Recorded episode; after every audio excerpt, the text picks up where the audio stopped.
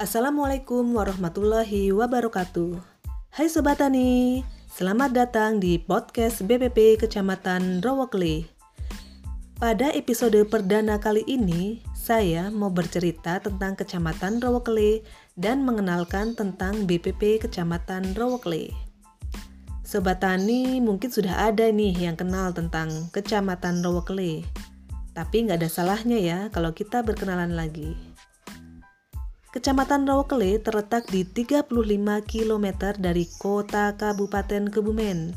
Uh, sedikit jauh ya Sobat Tani. Kalau naik motor kurang lebih menempuh perjalanan sekitar 60 menit atau 1 jam. Sebelah barat Kecamatan Rawakele berbatasan dengan Kabupaten Banyumas. Sebelah utara berbatasan dengan Kabupaten Banjarnegara. Sebelah selatan berbatasan dengan Kecamatan Ayah dan sebelah timur berbatasan dengan Kecamatan Buayan dan Kecamatan Sempor. Kecamatan Rawakele memiliki luas wilayah 5.379,5 hektar yang terdiri dari lahan sawah 962 hektar, lahan kering 3.307 hektar, dan lainnya seluas 1.110,5 hektar. Jumlah penduduk Kecamatan Nowokele sebanyak 42.216 jiwa yang terdiri dari laki-laki 20.927 jiwa, perempuan 21.289 jiwa. Sebagian besar penduduk di Kecamatan Nowokele ini berprofesi sebagai petani. Kecamatan Rawakele memiliki topografi berupa dataran rendah, dataran bergelombang, dan pegunungan rendah. Hmm, bisa dikatakan nih bahwa 40% dari wilayah kecamatan berupa dataran rendah dan 60%-nya berupa pegunungan. Kecamatan Rawakele memiliki 11 desa. Hmm, banyak apa sedikit nih Sobat Tani? 11 desa itu antara lain Desa Kalisari, Radisari, Pring Tutul, Rowokele, Bumi Agung, Jatiluhur, Kretek, Sukomulyo, Gianti, Wonoharjo, dan Doagir Pandan. Nah, dari 11 desa itu, kira-kira BPP Kecamatan Rowokele ada di mana ya? Yaps, BPP Kecamatan Rowokele berada di pusat kota kecamatan. CCC pusat kota nih. Tepatnya di Jalan Jati Jajar KM7 Desa Rowokle. Kalau Sobat Tani mau mencari di mana kantor BPP Kecamatan Rowokle, uh gampang banget. Karena masih satu lingkungan dengan kantor Kecamatan Rowokle, tepatnya di sebelah barat pendopo kecamatan.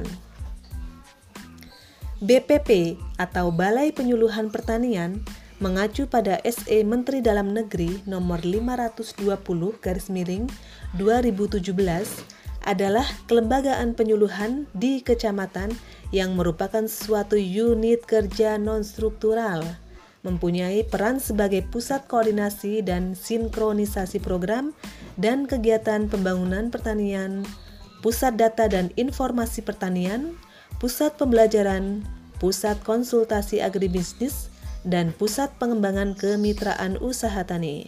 Selain itu, BPP juga harus mampu mengawal program pembangunan di kecamatan. Wah, panjang juga ya pengertian dari BPP. Kantor BPP Kecamatan Rawakele memiliki 8 orang personil. Tujuh di antaranya adalah penyuluh pertanian, dan satu orang petugas pengamat hama dan penyakit tanaman. Wilayah kerja penyuluh terbagi menjadi 6 WKPP. Yuk Sobat Tani, kita kenalan dengan masing-masing penyuluh di BPP Kecamatan Rawakele.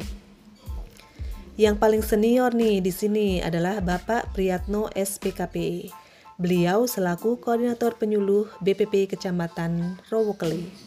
Bapak Priyatno SPKP mendampingi WKPP Rowokele 3, yaitu Desa Rowokele dan Desa Kalisari, yang memiliki dua gapoktan, delapan poktan, satu KWT dan satu KTT. Eko Prasetyawan SP mendampingi WKPP Rowokles 1 yaitu Desa Pringtutul memiliki satu gapoktan, tujuh poktan dan satu KWT. Sigit Triyono SP mendampingi WKPP Rowokle 2 yaitu Desa Redisari dan Desa Wonoharjo memiliki dua gapoktan, 13 poktan, 2 KWT dan 2 KTT. Rahmatika Irmasari SP mendampingi WKPP Rowokele 4 yaitu Desa Bumi Agung dan Desa Kretek memiliki dua gapoktan, 10 poktan dan 1 KTT. Marsidi mendampingi WKPP Rowokele 5 yaitu Desa Jatiluhur dan Desa Gianti memiliki dua gapoktan dan 7 poktan. Umi Nur Hasana SP mendampingi WKPP Rawakle 6 yaitu Desa Sukomulyo dan Desa Wagir Pandan memiliki dua gapoktan, 9 poktan dan 2 KTT. Dan yang terakhir, petugas pengamat hama dan penyakit tanaman yang diampu oleh Bapak Budi Kristanto. Hmm, beliau ini wilayahnya satu kecamatan ya yang artinya 11 desa. Nah, itu tadi personil-personil di BPP Kecamatan Rowokle. Mungkin untuk episode podcast kali ini sampai di sini dulu ya Sobat Tani. Kita ketemu lagi di podcast-podcast selanjutnya. Jangan lupa tetap semangat dan wassalamualaikum warahmatullahi wabarakatuh.